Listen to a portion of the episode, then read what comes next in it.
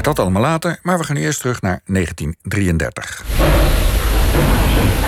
Ich eröffne die Hauptverhandlung in der Strafsache gegen den Maurer Marinus van der Lübbe, der Angestellte Ernst Todler, der Schriftsteller Georgi Dimitrov, der Student Blago Popov, der Schuhmacher Vasil Tanev.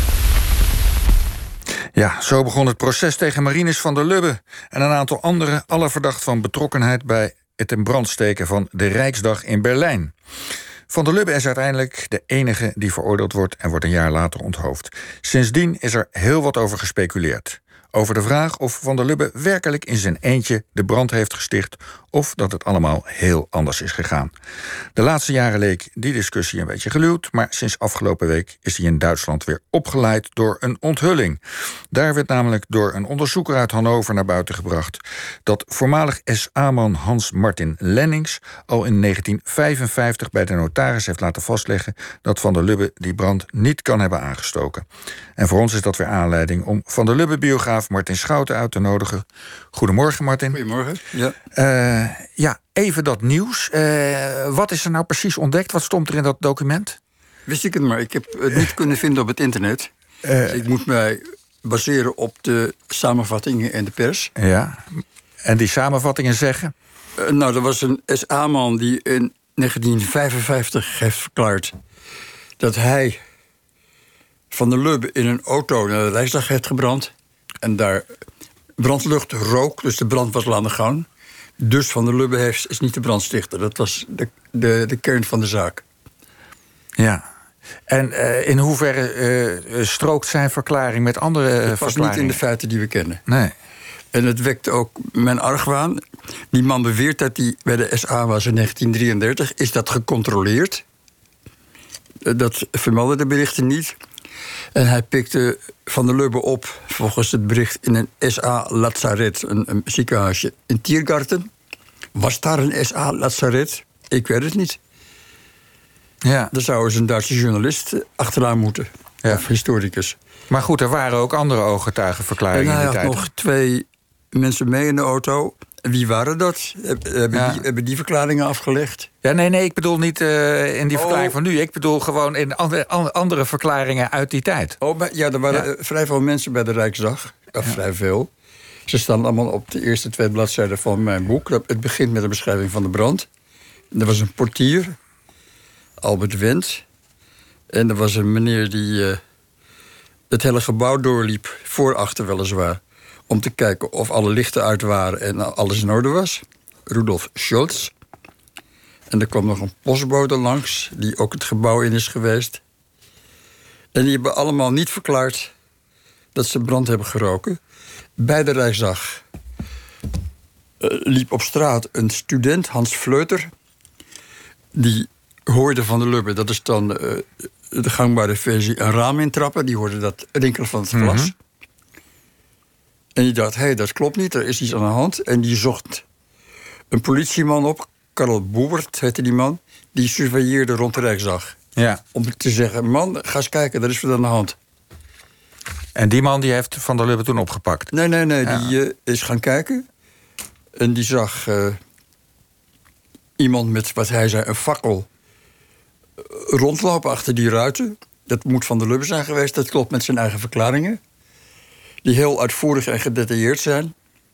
En ook heel verleidelijk, ook voor mij. Mijn boek is daar vooral op gebaseerd.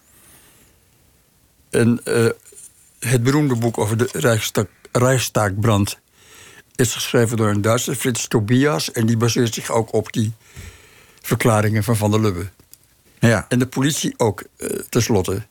En dat is misschien een zwak punt. Het was zo verleidelijk, want het was zo goed en zo gedetailleerd en geloofwaardig dat het onderzoek naar mogelijke andere scenario's eigenlijk niet is gedaan. Ja, want uh, hoe is het toen precies gegaan? Van de, uh, die, die, die man zag Van der Lubbe daar lopen met een fakkel in het gebouw. Daar heeft hij op geschoten. Ja. Uh, dat is ook nog opgemerkt door mensen. Er staat ook in die aangemerkt op die foto van de Rijksdag die ik hier heb. Dat is een politiefoto Mhm. -hmm. van de dag na de brand. Ja. En er zijn heel veel foto's gemaakt. Ja, het, eh, want op die foto die, die jij eh, daar hebt, daar ziet die Rijksdag er nog helemaal niet zo beschadigd uit. Die staat gewoon overeind. Ja. Eh, De brand die was in het hart van het gebouw in de grote zaal. Van de zi- grote zittingszaal, de plenaire zaal heette dat.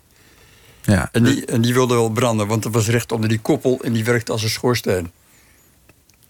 En, en er was veel brandbaar materiaal, gordijnen en hout. En verder was het voornamelijk eh, marmer en, eh, en steen. En dat is gewoon blijven staan. Ja. Ja. En er zijn ook foto's van brandplekken op, op een trap. Bijvoorbeeld, ja, ik kan je dat wel laten zien. Ja, nee, maar we hoeven niet te gedetailleerd erop in te gaan. Ja. Maar de, de, eh, ik bedoel, het gebouw is niet helemaal in de as gelegd. Nee, absoluut niet. Nee. Dus, dus, dus ons beeld wat we hebben van dat die hele Rijksdag in de as is gelegd, dat klopt al niet. Ja, maar, want dat is onderdeel van de, van de legendevorming. Maar hoe kan één mannetje op zijn eentje zo'n groot gebouw in brand zetten? Nou, dat is ook niet gebeurd. Het grootste deel van het gebouw stond dus gewoon nog. Ja. Goed, laten we teruggaan naar het verhaal van Van der Lubbe zelf op die dag. Eh, eh, want hij wordt dan eh, vrij snel ook opgepakt. Hij is een kwartier binnen geweest. Eh, toen zijn er ook politiemannen naar binnen gegaan. En die hebben hem op heterdaad betrapt. In de, de Bismarckzaal. Dat is in de buurt van die grote plenaire zittingszaal. Half naakt. Hij had zijn eh, kleren uitgetrokken en in brand gestoken... Om, die, om andere dingen in brand mee te kunnen steken. En heeft ook meteen een eh, bekentenis afgelegd. Eh, die ook er zijn een paar versies van die steeds eh, consistent is gebleven. Ik was daar en daar en deed dat en dat. Dat is allemaal nagelopen door de politie en gefotografeerd. Ja, en even voor de duidelijkheid, dat was in 1933 en dat was nog niet een helemaal genazificeerde politie. Nee, dat was gewoon vakwerk wat die politie deed. En dat was, wat wel een rol speelde, is dat er een week later verkiezingen zouden zijn. Voor de Rijksdag. En dat er eh, gerekend werd op onregelmatigheden op die verkiezingsdag. Door meneer Diels, dat was de chef van de politieke politie. Die schreef een briefje daarover. Dat staat in die document, in een documentatie, in een bronnenpublicatie van de DDR.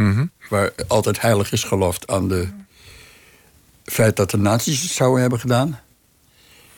En er is enorm veel heisa over gemaakt door de Duitse communisten die ontsnapt waren nog op tijd, want de grenzen gingen dicht.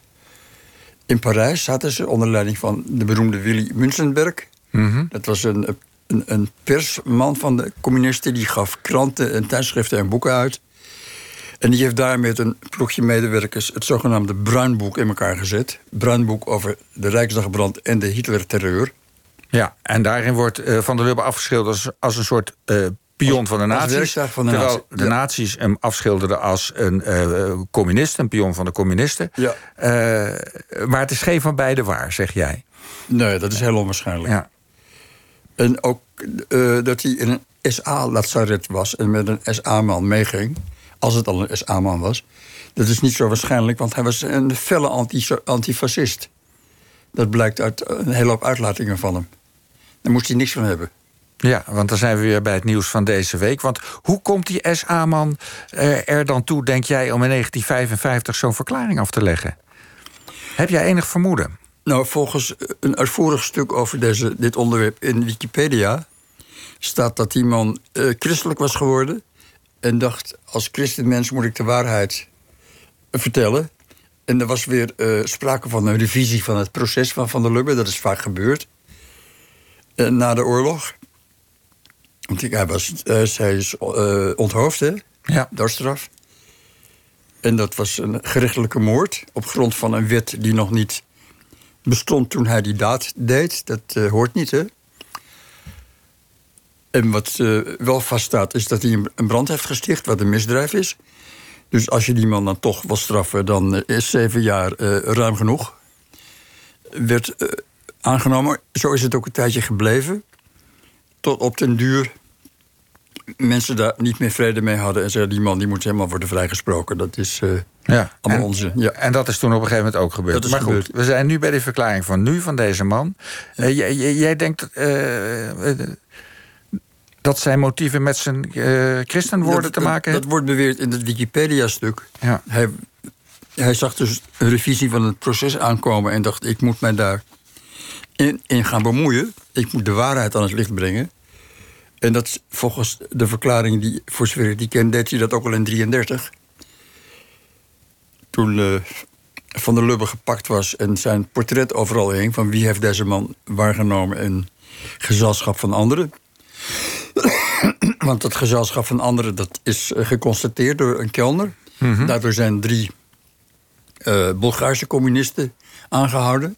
Ja, die werden in, in het fragment ook genoemd hè, door de rechter. Ja, die- Eh, Dimitrov is daarvan de bekendste. Dimitrov, Ja. ja. ja, dat is de grote woordvoerder geweest. En Popov en Tanev. Ja. En dat was ook nog een verdachte, de fractievoorzitter van de communisten in de Rijksdag, Ernst Torgler. Ja, maar jij zegt ook weer daarvan... het is uiterst onwaarschijnlijk dat Van der Lubbe eh, met die eh, mannen op pad was gegaan... want hij was helemaal geen communist. Hij was geen partijcommunist. Nee. Hij had ruzie met de partij. Ja. Wat, maar wa- wa- wat, denk je wat er nu dan, eh, tot slot, wat er nu gaat gebeuren? Denk je dat er weer, want jij denkt dat dit een, een fabeltje is. Denk je dat er nieuw onderzoek gaat komen, zoals ze in Duitsland het ligt voor de hand dat iemand, een journalist, eh, gaat kijken in oude ledenlijsten van de SA. Komt die Lennings daarin voor? Mhm. En eh, dat lazaret, klopt dat? Was dat er? Dat is, om te beginnen, daar zou ik mee beginnen als ik journalist was in Berlijn. Ja. Want dit is allemaal te vinden. Het is erg veel eh, vastgelegd. En verder was natuurlijk mijn nieuwsgierigheid. Hoe komt dit ding nu opeens naar buiten? Nou, dat is gebeurd door iemand die ik ken, van reputatie vooral. Niet persoonlijk, ik heb hem wel eens ontmoet. Hers Fischler. Ja. Die is al jaren bezig met het onderwerp. En Fischler die heeft eh, een kopie van deze verklaring gevonden... in het archief van Frits Tobias. Ja, De man over. Ja. Goed. Bart Schouten, ik wil je bedanken voor je komst. Is je boek eh, nog verkrijgbaar over Van der Lubbe? Ik eh, werk aan een nieuw nawoord waarin dit wordt meegenomen. Goed.